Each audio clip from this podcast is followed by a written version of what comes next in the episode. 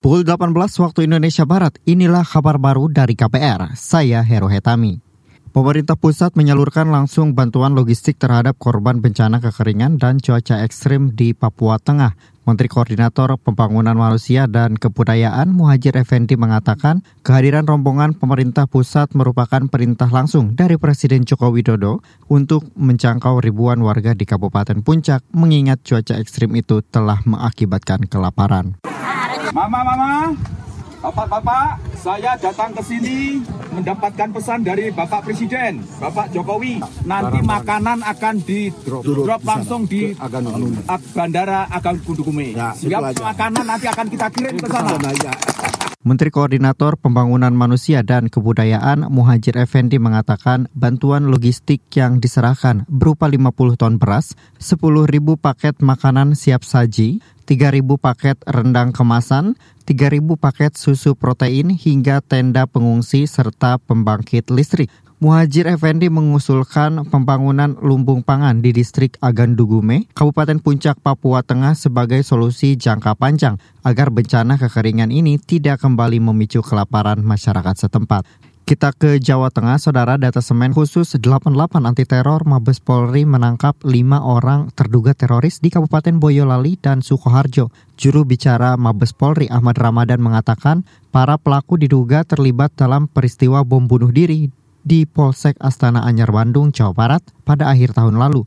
Ramadan menjelaskan kelima tersangka ditangkap di lokasi berbeda-beda sejak akhir Juli hingga awal Agustus ini. Kaitannya adalah terkait dengan peristiwa bom bunuh diri di Polsek Asalanya. Juru bicara Mabes Polri Ahmad Ramadan mengatakan Polri juga menggeledah rumah maupun lokasi tempat tinggal para tersangka. Salah satu tersangka berinisial S, pimpinan kelompok yang juga tergabung dalam Jamaah Asrorut Tauhid JAT sejak 2008 hingga 2014. Tersangka lain adalah istri pelaku bom bunuh diri yang berinisial RS alias UD. Lima tersangka itu kini menjalani pemeriksaan intensif untuk pengembangan kasus. Salah satu barang bukti yang disita yaitu panci presto yang didesain untuk bom rakitan. Kita ke informasi lain, Saudara Akademisi Rocky Gerung menyampaikan permintaan maaf karena telah menyebabkan perselisihan di tengah masyarakat. Ia mengakui kritik terkait pembangunan ibu kota negara itu telah menimbulkan pro kontra yang mengarah kepada keonaran. Meski begitu, ia menegaskan kritik yang disampaikan bukan langsung tertuju pada pribadi Jokowi. Jadi sekali lagi saya menyesalkan bahwa persoalan hukum yang dari awal saya katakan ini adalah kritik saya terhadap Presiden Jokowi yang saya ucapkan dengan sangat tajam dan biasanya saya lakukan itu di mana-mana tuh. Saya tidak mengkritik atau menghina Jokowi sebagai individu tidak. Karena nggak ada urusan saya dengan Pak Jokowi.